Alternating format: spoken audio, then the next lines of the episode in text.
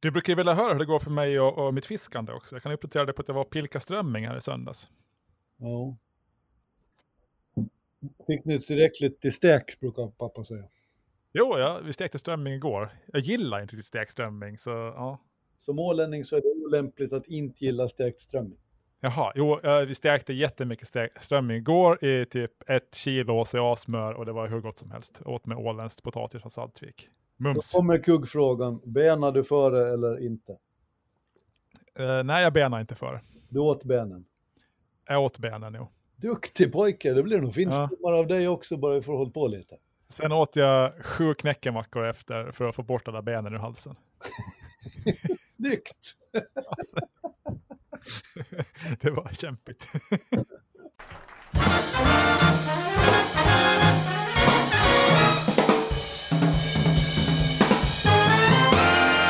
Då säger vi hej och välkomna till avsnitt 29 av Ålands Handel. Jag heter Fredrik Rosenqvist och med mig på distans har jag Jörgen Pettersson. Eh, hur är läget med dig Jörgen?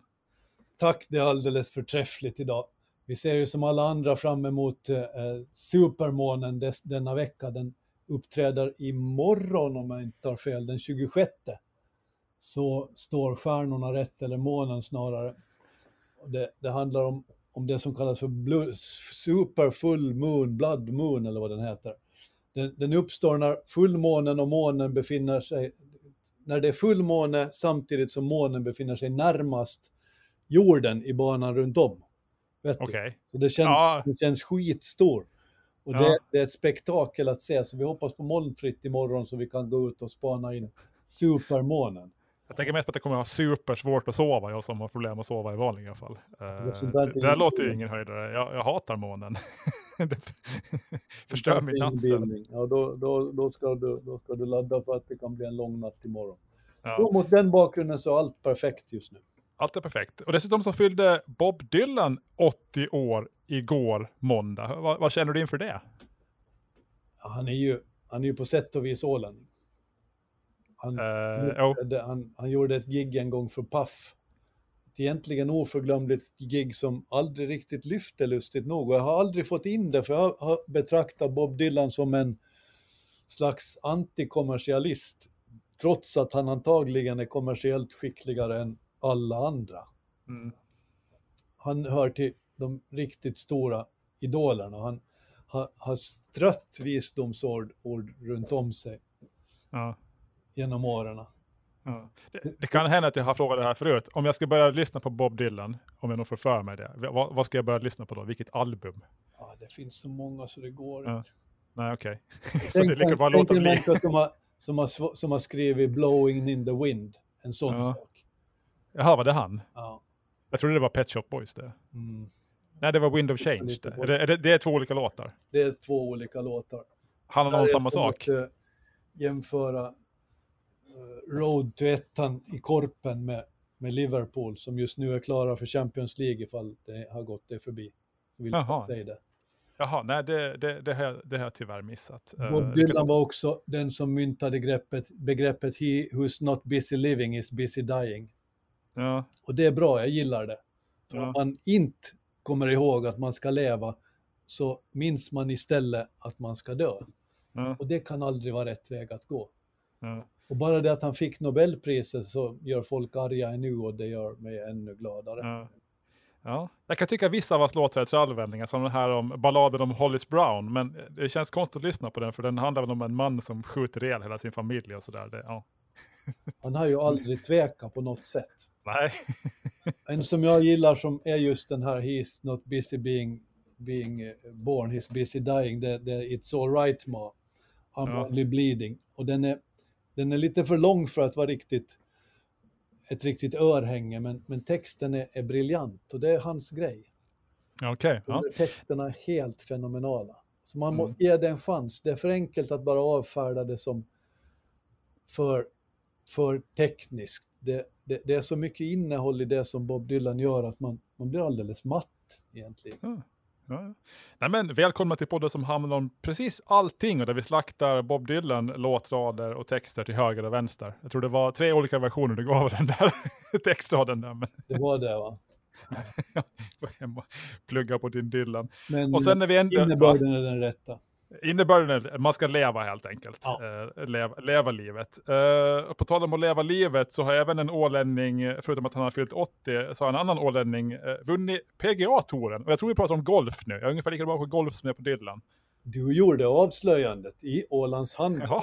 den Ja. svanenmärkta tidningen som utkommer över hela Åland till alla Ja. företag. Och, och, Att Phil Mickelsons farfar eh, var det väl som eh, var, var ålänning tyder allting på. Ja, det verkar hade- vara så. Nu har vi det Ja. nästan skriftligt skulle man kunna säga, för på Facebook, på Ålands Handels Facebook-sida, som ni borde gilla för att hänga med på riktigt, där uppstod en debatt kring eh, Lefty Mikkelsson och hans eventuella Ålandsanknytning. Och, och en, en gentleman där så hade den goda smaken att lista upp ett släktträd. Jaha. Och, och nu är det ganska knoppigt det där så jag inte riktigt kunnat tränga in i hela, men, men så vitt jag begriper så, så kan man leda i bevis att eh, Lefty är, är nog ålänning och, och man kan, Mm. det, det är följd i färg på sätt och vis för hur skulle du annars ha vunnit PGA-touren om du inte hade varit ålänning? Nej, exakt. Det hjälper ju till. Ja. Eh, ja. Nej, men det, det, det, det är coolt. Jag har, jag har helt missat den här diskussionen. Jag har, varit fullt upp, har fullt upp med annat eh, idag, så jag har inte ens loggat in på något socialt medier. Så där, men det, det är kul. Social media fri dag, fantastiskt. Eh, ja, faktiskt. Uh, hunnit kolla börsen är snabbt, en snabb vända. Det, det, det är mitt Facebook, det är lite grann där när man, inte har, när man måste ha en mental paus på två minuter. Det går in och kolla hur det går. Hur såg du ut? Blev du arg eller glad? Eh, jag blev, jag hade höga förväntningar kan jag säga. Så jag blev lite arg över att det inte så jätte, jättebra ut. Låter det konstigt?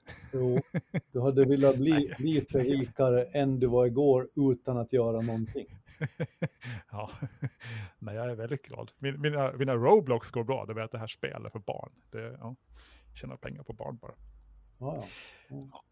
En eh, historia som både du och jag ville diskutera lite grann, eh, kanske av olika orsaker, är att det har skett en väldigt märklig flygkapning över, säger man Belarus? Jo, Jag, jag, Belarus jag, jag, gillar, är vi, jag gillar vit, Vitryssland. Alltså alla länder som byter namn, de är skumma. Som Myanmar och Belarus och allt vad nu är. Ja.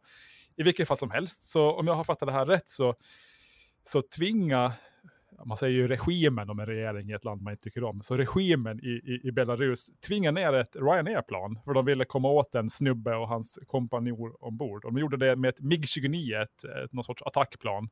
Så tvingade de det här kommersiella passagerarplanet att landa och så fick de väl av han där som de skulle ha av det och, och så. Är det rätt? Är det, är det det här som har gått till? Och det låter ju helt skumt. Om man tar det, det beror lite på vilket perspektiv man väljer. Ja, Naturligtvis var allting käpprätt. Man kan Ja. tvinga ner passagerarplan. nej, Om man tar perspektivet ur piloten som satt på Ryanair-planet och såg en MiG-29 och Ja. bestyckningen under buken på densamma, ja. så förstår man att man gärna landar. Jo, och det jag skulle tänka mig så här, jag är vansinnigt flygrädd. Jag skulle också tänka mig om jag sitter som passagerare i ett plan och så kommer det en MIG bredvid och på något sätt är lite hotfull att landa nu. Snälla pilot. jag har däremot sett en viss debatt om att vissa andra eh, menar att han borde ha, ha vägrat landa. Vad ska de göra? De kan ju inte skjuta ner planet. Det skulle ju bli krig då, typ. Eller? Jag skulle inte ta den risken över Belarus. Nej. så, jag måste säga heder till flygkaptenen, jag skulle Ja. inte tagit den risken. Ja, ja. När man såg det här att, ja, ingen kommer till skada så vitt jag vet, men när man såg det här att det var en kapning. Eh, kapningar brukar gå till så att det är någon jeppe ombord som, som hotar spränga någonting i luften eller har en pistol eller övermanna någon eller sådär. Man väntar ju sig inte att det var ett, ett stridsplan som, som, som kapade ett flyg. Det är ovanligt. Ja, det får man säga. Han har, de, han, Belarus de har tagit, tagit flygkapningar till en ny nivå. Förr hade, man hade Palestina-sjalar runt sig och, och gick in i cockpit. Ja, Det här är ju nog att förädla hela systemet rätt mycket. ja. Och, och är ju inte så glada på Vitryssland eller Belarus. De säger ju att nu, får, får ju, nu, nu, nu är det slutflyget dit, eh, över det landet. Med all rätt alltså. Ett land Ja. kan inte göra så här. Belarus hör till de länderna som har dödsstraffet kvar. Ändå vill de närma sig EU och, och den Europ, europeiska eh, eh, familjen. Mm. Men, men det går alltså inte att göra så. Den här Mm. så kallade dissidenten som de kallade för, Raman Pratasevich, han, han var alltså på väg, på väg någon helt annanstans. Men de fick reda på att han var ombord, kanske med hjälp av agenter, Mm. kanske av någonting av något annat skäl. Och i hans fall så, så, så är han alltså rädd för att faktiskt drabbas av detta dödsstraff. Mm. Jag hörde att eh, deras officiella förklaring i Belarus var att de hade fått något hot från Hamas, att de skulle, det, det fanns sprängämnen ombord, men de skulle spränga planen om inte Israel slutade vara, vara taskiga. Så det är därför de tvingade ner planen, för av, av ren hänsyn till passagerarna. Eh, den den eh, bortförklaringen flög inte hos EU. Men det är ju samma sak som Ryssland gjorde mot, eh, mot Ukraina när man gick in i Minsk. Då gjorde man det också för att skydda sina Ja. egna medborgare. Så det här är ju en gammal beprövad teknik. Mm. Ja, jag fick samma, jag kommer ihåg när ett Malaysia Airlines plan, det sköts ju ner, var det väl? Det- Eller var det det som Nej. försvann? Ja, ja så när det är så här, de har jag flugit jättemånga gånger. Och sen också när det är så här Ryanair som de också har flugit, eh, när jag fortfarande flög många gånger. Det känns ju ganska så här, ja, nära en själv och så. Så ja, läskigt. Det där är, det där är gangsterländer som, som man måste börja hantera med, med större kraft. Mm. Alltså det, det går inte att hålla på på det här viset. Och Lukasjenko som är president där för inte året i följd. Det, det går inte att bära sig åt hur som helst i dagens läge. Nej. På tal om kraschar, det var ju ingen krasch det här, men i vilket fall som helst. Eh, Bitcoin, min och din favoritvaluta, har i princip halverats sedan den 14 april. Miljarders miljarder har, har, har försvunnit från bitcoin när valutan nästan har kraschat. Den har väl kanske repat sig lite grann och sådär. Eh, vet du hur många kryptovalutor det finns i världen? Nej, men jag har faktiskt börjat läsa på och det är ett otal antal alltså. Det är Ja, sanslöst. Och så fort jag hör ett namn och försöker lägga det på minne så försvinner det. Det är ungefär som förr i världen när sovjetiska ledare bytte lite hela tiden. Mm. Och man kom aldrig ihåg vem som var vem riktigt. Nej, nej. samma känsla nu med bitcoin, att man Ja, förlorar kontrollen. Det- Alltså om man säger en siffra så är den ju fel när, när, när folk lyssnar på den här, för då har de skapat 100 kryptovalutor till, men ja, 5 000 ungefär, drygt, kanske 6 000 olika kryptovalutor. Eh, det finns 180 värld, vanliga valutor i världen, så antal kryptovalutor är ju långt fler än, än, än de vanliga valutorna. Det tycker jag är lite så här. man Vad när driver den utvecklingen är din analys? Ja, alltså om det skapar en kryptovaluta så verkar det som det är nu då att den går upp i tak i, i form av värde. Så det finns väl pengar att tjäna. Och menar, om man för något år sedan ville ha miljövänliga kryptovalutor, då var det lite svårt. Men nu finns det ju så här Solar Coin och allt vad de nu heter och Cardano och sånt som ska vara, som ska vara miljövänliga också. Eh, så, är det inte ja. egentligen den nya IT-världens svar på de gamla hederliga pyramidspelen? Eh, ja.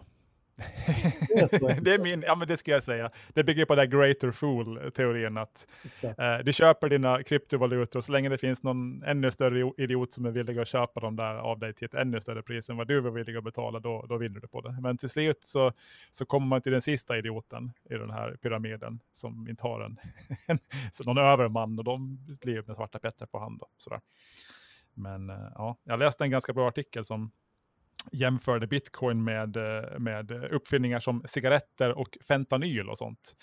Det vill säga någonting som kanske eventuellt var tänkt att göra gott eh, i första början, men sen blev helt åt helsike. Eh, cigaretter ja, orsakar lungcancer, fentanyl eh, var någon sorts läkemedel som har blivit en jätte, jätte, jättefarlig drog som folk dör jättemycket av. Eh, Bitcoin och kryptovalutor skulle vara någonting som vi kunde använda för ja, men att köpa och sälja grejer av varandra. Eh, eller alternativ två då, ha som en, en värdebevarare, men det funkar inte som något av det här. Eh, Det enda bitcoin används till nu är spekulation och eh, sådana här, du vet när man kapar någon, någons server eller sådär och, och begär en lösensumma. Eh, Hostage-situationer, gisslan. Ja, ja, digitala gisslansituationer. Det- Alla de transaktionerna sker i kryptovalutor. Eh, och det är faktiskt det mesta som, som bitcoin och sånt används till. Det, det är sådana här ja, ransomware-attacker. Kommer du ihåg Phineas Taylor Barnum? Mm, nej, P.T. Barnum? det ringer en klocka och berätta. Amerikansk cirkusdirektör nummer ett. Ja, Även jo, jo. underhållningsentreprenör på sin tid. Ja. Eh, Hon var den som började tjäna pengar på folks eh, längtan efter att se det ovanliga och det skrämmande i form av freakshows. Och han myntar begreppet “There's a sucker born every minute”. Mm. Det föds en torsk varje minut.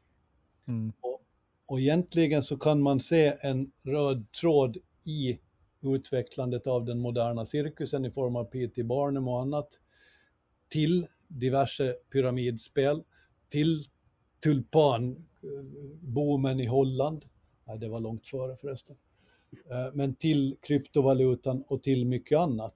Alltså det Mm. handlar om en cirkus och det handlar om en nöjesindustri och folks längtan efter någonting annat. Ja. Ja, för det är, en tråd där eller, eller svamlar? Ja, det, det kan det väl vara. Jag vet, alltså, fr- från början så skapades bitcoin för att man ska kunna köpa grejer med bitcoin. Det är helt omöjligt idag. Jag menar, de, alltså bitcoin kan ju rasa i värde 30% på en dag. Så om du går till butiken och köper man för en bitcoin, vad den är värd. Du, du vet ju inte, du har ingen aning. Det var värd en sak när du lämnar hemmet och så var den värd en annan sak när du kommer fram. Så det, det är ju helt opraktiskt och en transaktion tar en evighet. Och, nej, det funkar ju inte. Och sen också som värdebevarare, man säger ja, det kan inte skapas fler bitcoin. Det är det som är själva grejen. Det kan bara finnas 11 miljoner bitcoin. Jo, det är sant, men du kan ju skapa ett oändligt antal andra kryptovalutor. Vad säger att just bitcoin kommer att vara den kryptovalutan som alla lägger sina säkra pengar i? Kan det vara någon av de 4999 andra? Eh, så, ja. Kommer det här till leda till en ny sån här global krasch någon gång, tror du? Jag vet inte, men eh, ja, det, händer, det, alltså det känns som det händer så mycket nu för tiden. Man blir helt matt. Kina är ju nu ute och vävar mot bitcoin och säger att man ska förbjuda mining och, och transaktioner i bitcoin och det är det som har fått den att falla nu då. Men just nu så är det ganska många så här gamla kolkraftverk som startas igång eh, av entreprenörer som ska använda dem för att mina bitcoin. Det vill säga de, de kör de här gamla kolkraften med, jag tror det är med LNG, alltså naturgas. Uh, och så ska de, för det krävs ju väldigt mycket energi att mina bitcoin, så de ska ha de här gamla kolkraftverken till att mina bitcoins. Eh, för när priset blir så högt så blir det ju värt att göra det. Och det är ju inte så bra för miljön. LNG är ju bättre än, än kol, men det är ju inte, det är inte jättebra. Så det sitter en massa kolkraftverk och löser avancerade matematiska problem för att mina bitcoins och släpper ut en massa avgaser. Allting går Ja, igen. Och historien tar hjälp, framtiden tar hjälp av historien. Det, det är som Mm. det är, allt sitter ihop. ja. Och du vill ha fler kvinnliga vdar, skrev du här i körschemat. Berätta, varför vill du det? Ja, det var en, en nyhet som jag fastnade för på Yle, där man konstaterar att det finns väldigt få kvinnor som verkställande direktörer för finländska börsbolag. Mer än 90 procent är män. Och, och Mm. bara den matematiken så borde leda till någon form av insikt. Mm. Och insikten är egentligen att man missar sin chans. För den här utredningen så visar, när man går till lönsamhet och till pengar, så visar det att företag med både kvinnor och män i ledningen är mer lönsamma än företag med bara manliga chefer. Och det där är ganska intressant. Jag tar en parallell till sjöfarten där man arbetar väldigt hårt på att få fler kvinnor att mönstra på, att gå till sjöss. Eh, Skälet till det är ju att man vill få en bättre arbetsplats eftersom eh, fler, fler kön skapar en bättre eh, känsla på jobbet. Eh, förutom det så är det, är det ren matematik bakom det. Alltså att man, får, man, man dubblerar ju underlaget, rekryteringsunderlaget med en endaste gång. Och då Mm. gör det mig lite chockad egentligen, även om vi alltid har vetat det så här. Det var en undersökning i någon av tidningarna här på Åland också, att, att bland de åländska styrelseledamöterna är en otroligt stor övervikt män i förhållande till kvinnor. Och förutom att det ur jämställdhetssynvinkel är rätt ruttet, så är det dumt. Eftersom Mm. man antagligen tjänar mindre pengar. Mm. Och då undrar jag, vad, vad, är, vad är liksom analysen bakom det? Hur blir det så? Ja, nu är ju inte jag en, en genusvetare, men eh, jag, Jag tror det... Jag pratar om en massa andra saker. Ja, ja, jag är inte satellit eller virolog heller. Nej, men jag tror det väl är att det finns strukturer i samhället som gör att kvinnorna har sig mycket svårare att ta sig till de här positionerna, även fast de är minst lika bra. Och jag tror att jag menar, ett bra sätt att förklara, hur kommer det sig att kvinnliga vd visar bättre resultat än manliga? För det gör de ju faktiskt. Eh, bolag som har kvinnliga chefer går bättre än, än de andra. Jag tror det beror på att de kvinnor som tar sig upp eh, så långt så att de blir vd, de måste eh, kämpa sig igenom en hyggliga massa hinder på vägen. Så när de kommer fram så kan man vara rätt säker på att de här är alltså the real deal, de är jätteduktiga. Och det, det, då blir det som en liksom, de kvinnor som lyckas bli chefer är så otroligt kompetenta, medan de männen som lyckas bli chefer, de har inte så mycket hinder, tvärtom så gynnas de av de strukturerna. Så att jag tror det helt enkelt beror på det. Men frågan, frågan kvarstår ändå eftersom det i varje företags DNA borde ingå vinstmaximering. Det är därför mm. man har aktiebolag. Man ska mm. försöka tjäna så mycket pengar som det går. Mm. Och att man ändå bortser ifrån ett sånt här faktum, mm. det, det, är svårt för mig att smälta. Ja. Det kan ju vara, du kan ju behöva kolla dina premisser då, att är det så att företagen på allvar fattar alla sina beslut utgående från vinstmaximering? Eller är det så att vissa bolag egentligen inte styrs av ägarna, utan ägandet är väldigt spritt och bolagen styrs av ledningen, som är mer intresserade av kanske att skaffa sig själv bra villkor och kanske struntar i bolagets eh, framgång och, och, och så. Eh, och då kan det bli så att de rekryterar sina kompisar eh, snarare än att tänka på vinsten och, och, rekrytera kvinnor. Så jag tror det är kanske den premissen som är fel, att alla bolag styrs inte så bra som de borde göra. Mm. För då skulle fler anställa kvinnliga chefer, så är det bara. Det finns, det finns någonting där som man måste prata om och hålla varmt i varje fall. Ja. Det är sånt som man har känt till på något sätt, men det blir skillnad när man ser det på riktigt.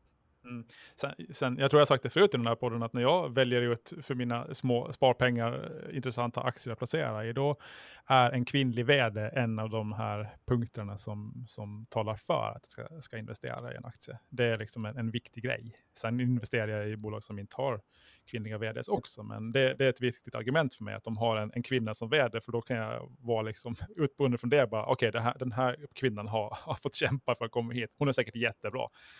Uh, Stor, Stora Enso till exempel har ju en kvinna som är Annika Breski. Och det var jag faktiskt ett skäl till att jag fastnade för dem. Sådär. Uh, sen, uh, jag läste en intervju med, vad heter hon? Carolina Dybeck. Carolina Dybeck Happe. Vet du om det är? Nej.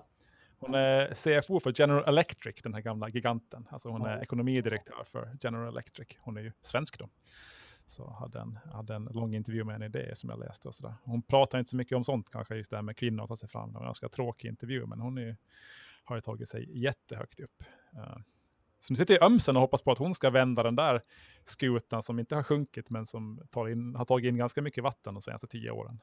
För att man har aktier där. Ja, General Electric är ett av de, deras turnaround cases i Ömsens aktieportfölj. Jag hade en intervju med Mattias Söderback. Som du berättade om i senaste Ålands handel. Ja, så de har bland annat General Electric som de tror kommer att och, och, och vända då. Uh, sen var de ju tydliga med att säga att man ska inte hoppa på det som småsparare, det finns ju risker och sådär. Men de, de, gör den sin bedöm de gör den bedömningen av sig själva. Liksom att, så det kan ju finnas eh, anledning för dem att följa hennes vidare äventyr.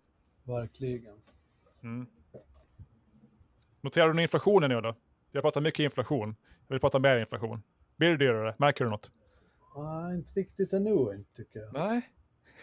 Försöker hålla ett öga på det, men jag noterar nog det som vi har pratat om tidigare, att uh, Spotify ja. har stigit, Netflix ja. stiger, HBO kanske stiger, sådana det, ja. hur, hur, hur är det bollglassen? Har det blivit dyrare? Jag har inte ätit en enda bollglass ännu i år. Nähä, okej. Okay. det, det, var inget bra avslöjande. Man borde äta mer bollglass. Ja, ja. Jag fastnade för en glass som heter Tre. Kolme kaveria tror jag att det är på finska. Okay. Den är vansinnigt god och de har en häftig story som jag inte mm. riktigt har, har faktacheckat, men det går ungefär ut på tre kompisar som har slagit sig ihop och börjat laga glass. Mm. De lagar otroligt god glass, men nu ska vi inte göra mer reklam för det. Men det är nästan bättre än bollglass ibland. Ja, jag har ju sagt att jag tror på att det blir ganska hög inflation. Uh, jag kommer förmodligen få fel i det, uh, för att marknaden med stort M tror ju inte riktigt på det. Att den här prisökningen kommer att hålla i sig. Jag gjorde en enkel räkneövning i, i, i morse faktiskt. Du vet, man vill värma upp hjärnan med lite addi addition och subtraktion och sånt. Procenträkning på morgonen. Det, det, då, då, får man saften att flöda. Uh, 2,4 procent tror marknaden att inflationen blir i genomsnitt de kommande tio åren. Det är ju ingen fara. Det är inte så farligt. Vad betyder det för räntor och sånt? Eh, det betyder inte jättemycket för räntor. För om inflationen bara är 2,4 procent, då ser nog sig inte centralbankerna nödgade att höja räntan speciellt mycket. Eh, ja. Så vi kan fortsättningsvis räkna med ganska låga räntor? Ja, räntorna har ju sjunkit, realräntorna har ju sjunkit, var en sjunkande trend sedan 1300-talet. Så att jag tror väl på något sätt att vi, vi är inne i en värld där räntorna hela tiden blir lägre och lägre på lång sikt. Sen kan de ju variera lite grann på, på kort sikt och sådär. Men den här orsaken till att många är rädda för inflation, speciellt som håller på med placeringar, det är ju att inflationen leder till någonting annat, det vill säga att centralbankerna höjer räntorna och då blir det kaos eh, på allt. Men man tror inte på det här, att det kommer det här att ske. Och det, orsaken till, eller skälet till att man kan se det, det är att det finns inflationsskyddade statspapper i USA. Och så finns det vanliga statspapper i USA. Alltså man, man lånar ut pengar till staten. De inflationsskyddade statspapperna, då får du en viss ränta plus inflationen. Det vill säga, du får den här räntan och sen så betalar vi den extra ränta som är exakt lika stor som, som ett inflationsmått. Men av vanliga statspapper så får du bara en fast ränta i tio år. Uh, och Räntan för de här inflationsskyddade är minus 0,8 procent just nu, medan den eh, vanliga amerikanska tioåriga obligationen är 1,6 procent. Um, och på marknaden så är ju allting, den, det finns inga så arbitrage, utan allting blir värt ungefär lika mycket. Så då kan man räkna ut att man tar eh, 1,6 procent plus 0,8 procent, och det blir 2,4 procent. Så det är det som är inflationsförväntningen de kommande tio åren. Hängde du med? Ungefär. Ja. Ungefär kan man säga. Så ja, egentligen den förväntade inflationen är skillnaden mellan en vanlig sån här tioårig statsobligation och en tioårig inflationsskyddad obligation. Så i skillnaden är nu 2,4 procent. Så det är det som man tror att inflationen blir. Och det är som sagt inte så farligt. Ja. Nej. Ja. Så vi kan vara lugna. Jag har fel. Ja. Jag hoppas ju förstås det. Även om inte jag vill att du ska ha rätt naturligtvis. Men, men helst ibland.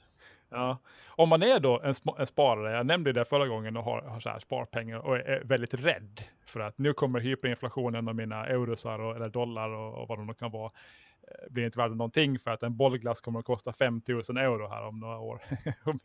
och jag har 10 000 euro sparade så jag kommer att ha råd med två bollglassar istället för ja, vad som nog har råd med för 10 000 euro.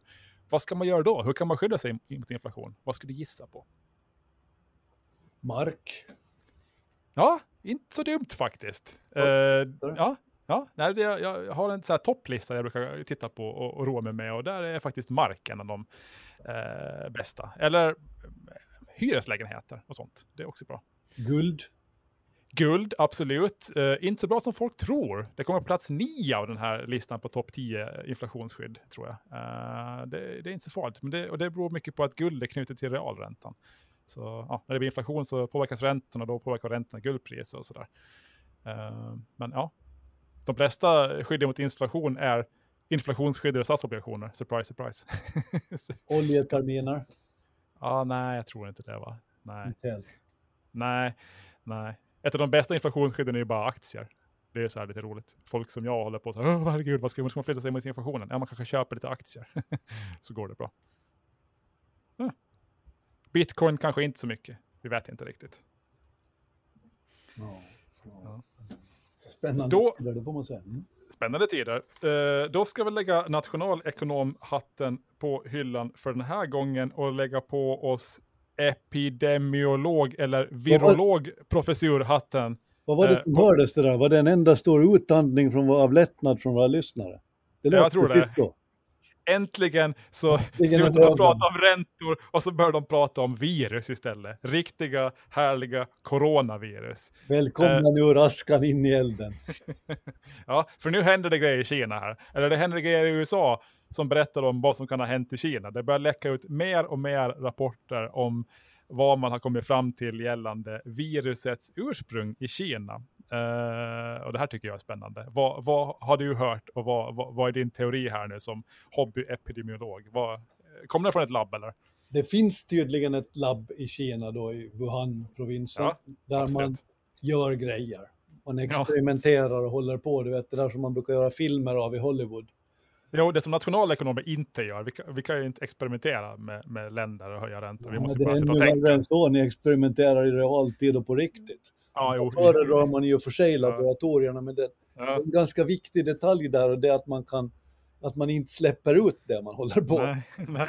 Uppenbarligen nu kommer det rapporter om att uh, man redan i november mm. uh, 2019 så hade tre forskare blivit så sjuka att de måste till sjukhus efter att ha hållit på mixa med detta, vad det nu är för någonting. Mm.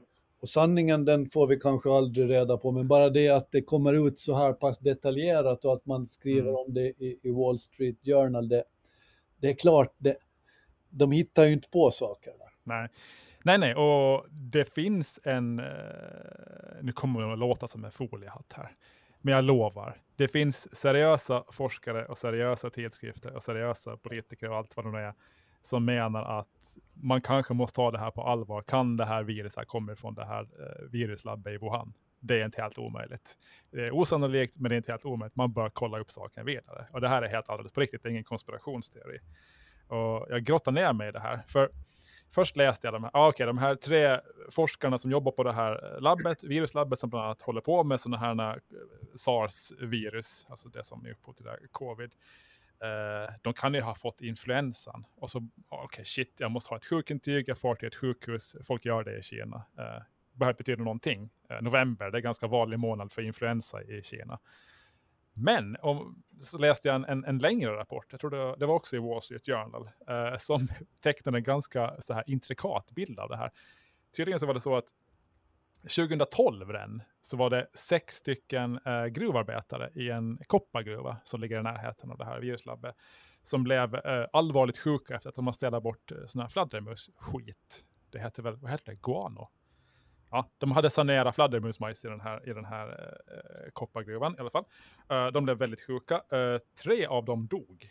Ehm, och då skickade de dit det här eh, forskare från det här institutet i Wuhan för, för att undersöka saker. Och de upptäckte, jag tror det var kanske tre stycken helt nya typer av, av coronavirus. Uh, och då spolar vi fram då, uh, tiden i, i sju år och då blir tre forskare på det här uh, institutet sjuka. kanske i corona, who knows. Men det vi vet är att i november eh, eller möjligtvis december så upptäcker man de första fallen av, av eh, covid-19 i, i Wuhan. Och då blir följdfrågan ganska naturlig, okej. Okay. man upptäckte några år tidigare en massa nya coronavirus i en gruva, man tog det till ett labb i Wuhan och sen uppstår eh, pandemin vad det verkar i Wuhan. Eh, ja. Vad, vad, tror du om Kennedy-mordet och, och, och månlandningen? Hur? Ja, vi kommer dit. Ställer du dig till dem? Tycker ja, du ja, nej. Men sen nu då så håller man ju på, för man, det kommer ju fram mer och mer data, för man, man tog ju så här, man undersökte de här nya coronavirusen man hittade i den här, i den här arma gruvan. Och eh, åtminstone ett av dem är till sitt DNA otroligt likt det här coronaviruset som nu åker runt hela världen. Jag tror det var så här 97 procent eller någonting. Så nu håller man på att debattera då att eh, är det här, eh, det här viruset som man hittar i den här gruvan, är det eh, det viruset vi nu har som sprider sig runt världen? Och det behöver inte betyda att det var de här instituten som det spreds ifrån, men faktum är att de virusen man har hittat i den här, i den här gruvan är de som är mest lika det vi har nu i världen. Och det kanske kan vara en ledtråd till var det kommer ifrån. Ah. Man är ganska sugen nu på alla som är så journalister på fart i den där gruvan. Tror du man får det? Vi kan ju söka om tillstånd för det. Ja, nej man får inte. Den är stängd och ingen får komma dit. Så det, det är lite spännande det här. Har du tänkt på det vad covid blir baklänges? Uh, jag är dålig på det där. Covid, vid, vidok, va? Divok. Vet du vad man säger i Indien då? Nej. What divok? så,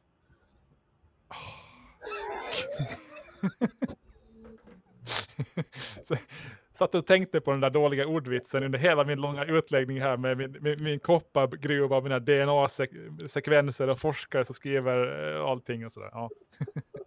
Där är hela förklaringen. What the fuck? Ja, ja. ja, nej. Men man har inte hittat var det kommer ifrån viruset nu. Och det, ja, kanske koppargruvan i Kina, who knows. Snart börjar de med mina bitcoin i den jäkla koppargruvan. Kanske vi får svaret på var det arma viruset kommer ifrån. Men ja. Uh, vi lämnar virus och går vidare till, uh, inte Kennedy-mordet. Uh, jag har inga stora teorier om det. Däremot Viking Sally-mordet. Det är en är aktuellt. berättelse. Där. Ja, berätta. Alltså det var 1987 som ett ungt tyskt par var på väg till Finland. Tog sig för att sova på, på däck på Viking Sally. Alltså den som, numera, som senare döptes till Estonia och numera ligger på havets botten. Eh, när de Vaknade så var den ena av dem död, en 20-årig tysk. Hans flickvän skadades allvarligt och vaknade senare i en lång koma, vet inte var hon befinner sig i dagens läge. Det här mordet hände alltså 1987, var det 34 år sedan. Eh, och i fjol höstas så bestämde man sig från finländsk polis att väcka åtal mot en 50-årig man som misstänks vara den som var skyldig till mordet respektive den grova misshandeln. Det, det är alldeles otroligt det här. De yrkar nu åklagarna på, på straff då naturligtvis för mord och mordförsök. Men, men det, här, det gick redan första rättegångsdagen som, som var igår, så gick det lite på tok för, för förundersökningsberättelserna med den åtalade, alltså han förhördes i samband med det här, så får inte användas som bevis eftersom han inte hade en advokat med sig vid förhören. Mm. Det är en fantastisk berättelse detta. 800 sidor förundersökningsmaterial, 15 vittnesberättelser och så vidare och så vidare. Det här är faktiskt en, en spännande historia. Det ska bli intressant att se om indicierna räcker, för det är bara indicier. Man har mm. inga handfasta bevis. Okej, okay. inga, inga, inga, ingen teknisk bevisning så att säga. Nej. Viking Sally-mordet, det var, en, det var en, en mycket uppmärksammad händelse då. Ja. 800 sidor, det är ingenting. Det vet du hur många sidor Palmemordsutredningen har? Nej. Nej, inte jag heller, men många. 802. 800 miljoner. Världens största mordutredning genom alla tider. Ja, det är det. Ja. Ja, hur länge tänker de hålla på då? Ja, det har jag inte tagit reda på. Det är säkert redan någon vecka. Ja. Ja, ja. Spännande. Det, det, måste ju bli lite sämre med indicierna om de inte får använda förundersökningsberättelserna. Då, då blir det ju körigt, så det ska bli intressant att se vart det leder. Ja, det kan ju inte vara lätt från början att bevisa det här liksom. Och sen så bara, nej men det där får ni inte använda. Det låter som en bättre amerikansk rättsserie, alltså sån här kriminalserie. Ja. I object. I object, jag håller på att se på en sån nu. Goliat på Amazon Prime, kan jag rekommendera. Tredje, säsong, tredje säsongen är helt utflippad, men det, det, det får man köpa. Mm. Ja. Bra. Uh, satt och bläddrade i vår tidning i morse. Det måste vi göra, där finns massvis att läsa. Ja. Jag har fått flera som har sagt att de, har den, de, de, de, älskar det som står i den och att de har lagt den åt sidan för att läsa lite senare. Den kommer ja. att länge. Ja. Ja. Jag, jag, tycker själv det är roligt att läsa, eller roligt att läsa, det känns som att man är så här narcissist, läser sina egna texter, men uh, Ålandsbanken hade med en text uh, om Eh, sina fonder och fondsparande.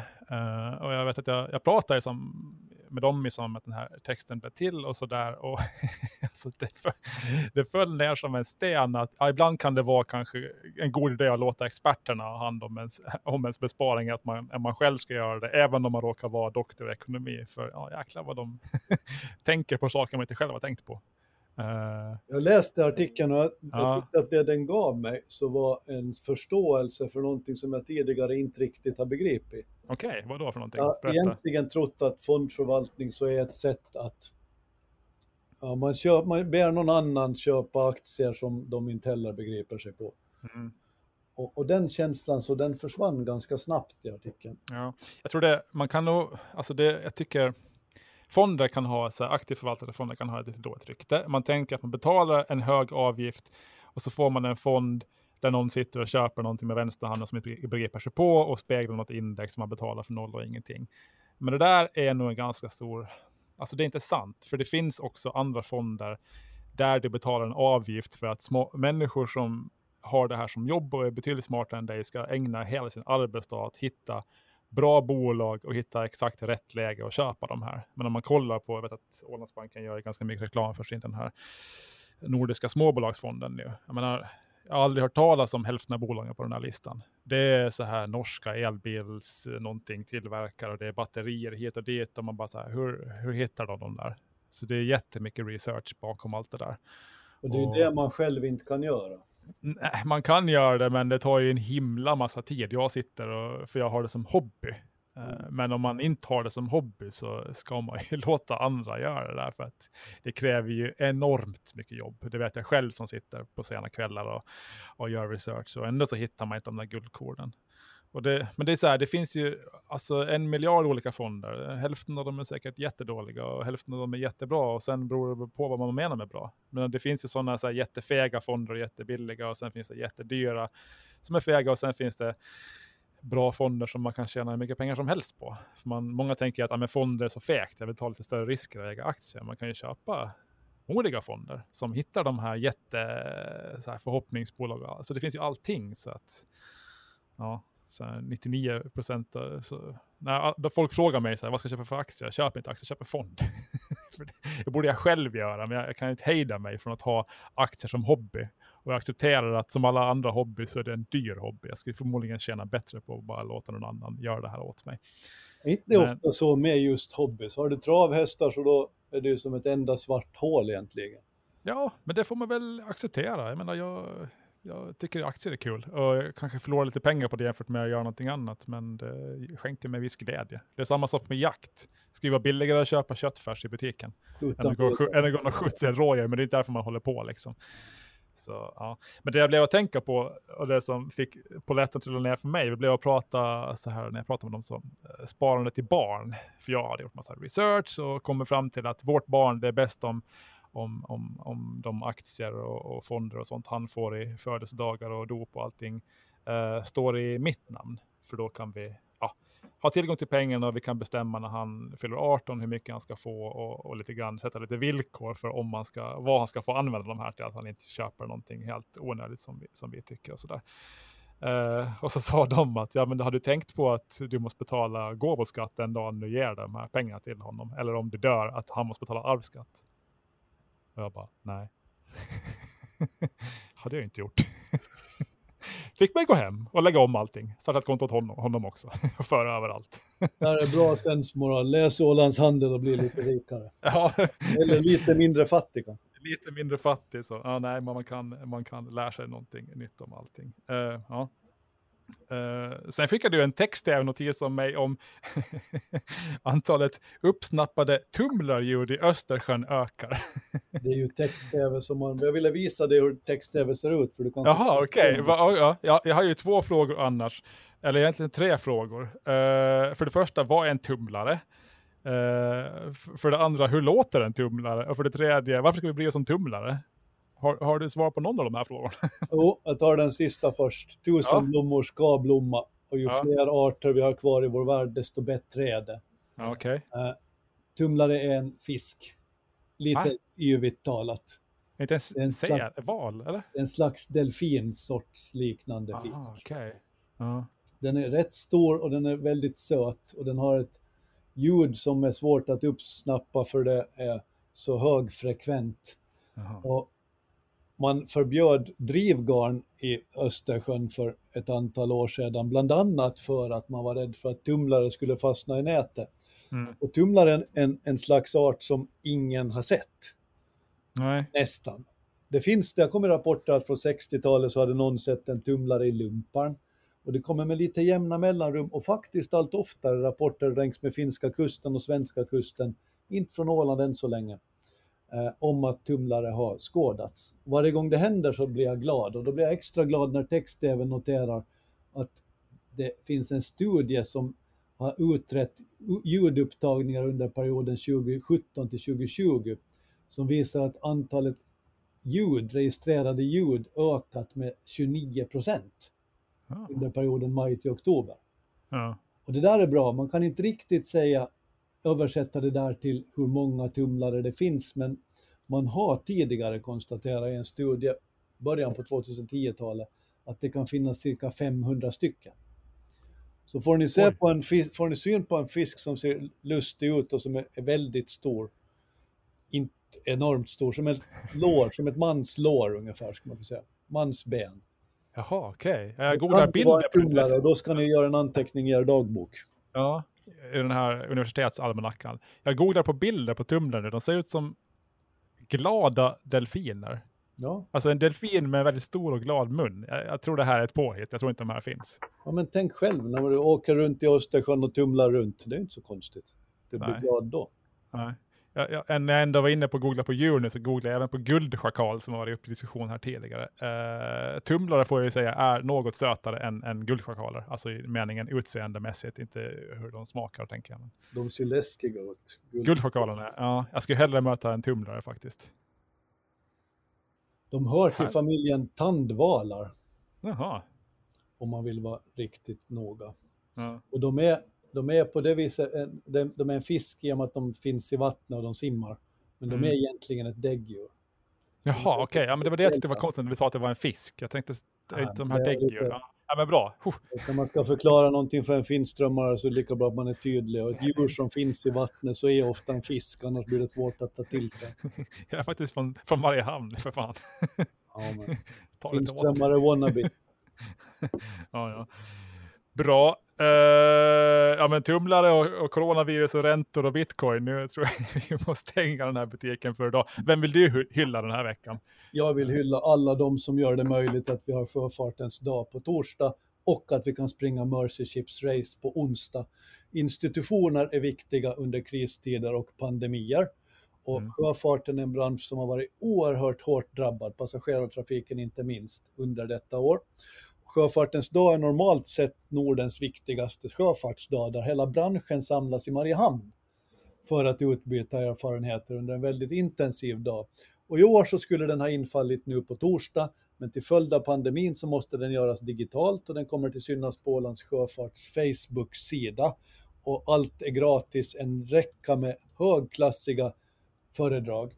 Och före det, dagen före, så springer vi Mercy Ships Race för att samla in pengar till Mercy Ships, en organisation som hjälper de allra fattigaste i Afrika med kirurgiska ingrepp. Det här är reklam, men det är reklam för en väldigt, väldigt bra sak och allt finns mer att läsa om på Ålands Sjöfarts Facebook-sida. Hoppas att ni är med. Hur, lo- hur långt är Mercy Ships Race? Fem kilometer, man får springa eller gå. Okej, och tänker du springa det? Klart det. Under 20 minuter? Under 25? Ja, vad blir tre kilometer per kilo? Tre minuter per kilometer. Ja, det... 15 minuter, en kvart. ja, Längre än så kan det väl ändå inte ta. nej, nej. Om du, om du springer Mercy Race- på en, på en kvart, då ska jag... Jag vet inte vad jag ska göra. Då åker jag själv till den här koppargruvan i, i Kina och, och hämtar Ta reda på hur det ligger till. Och tar reda på hur det ligger till. Hämtar med mig lite fladdermusskit och lagar någon sån här fågelsoppa ja. Uh, jag skulle vilja hylla en, en, en, en människa som jag träffade idag av, av en händelse. Uh, jag var ute på ett jobb här tidigare idag uh, och träffade en, en kock uh, inom Saltviks kommun på ett av dagis. Där. Jag tror ett dagis heter Prästkragen. eh, där hon berättade lite om. Jag fick vara med när hon lagade mat och fick vara med och, och, och till och med smaka på den här köttfärslimpan som lagades. Jag är så jäkla glad av det där. Alltså att de, hur de lagar mat, de här eh, kockarna, alltså från grunden, verkligen varje dag, så att barnen ska ha någonting nyttigt och gott att äta och, och sen ta vara på alla rester som, som blir över. Den här, just den här dagen så var det typ 13 barn som inte kom på dagis för att jag vet inte, de var sjuka eller föräldrarna är sjuka eller någonting. Och då blir det en massa över. Och då skulle hon laga bröd på den överblivna potatisen och pyttipanna på överblivna köttfärslimpan och sådär. Och det var så kul att se den här glöden och, och, och, och känslan för mat som blev alldeles varm i hela kroppen. Så hyll till alla er som lagar mat åt uh, små barn på Åland, tycker jag. Uh, jag har ett litet barn som snart ska få äran att äta av er kost. Så jag känner mig att han kommer att vara i väldigt trygga händer, minst sagt. En perfekt hyllning en fin dag.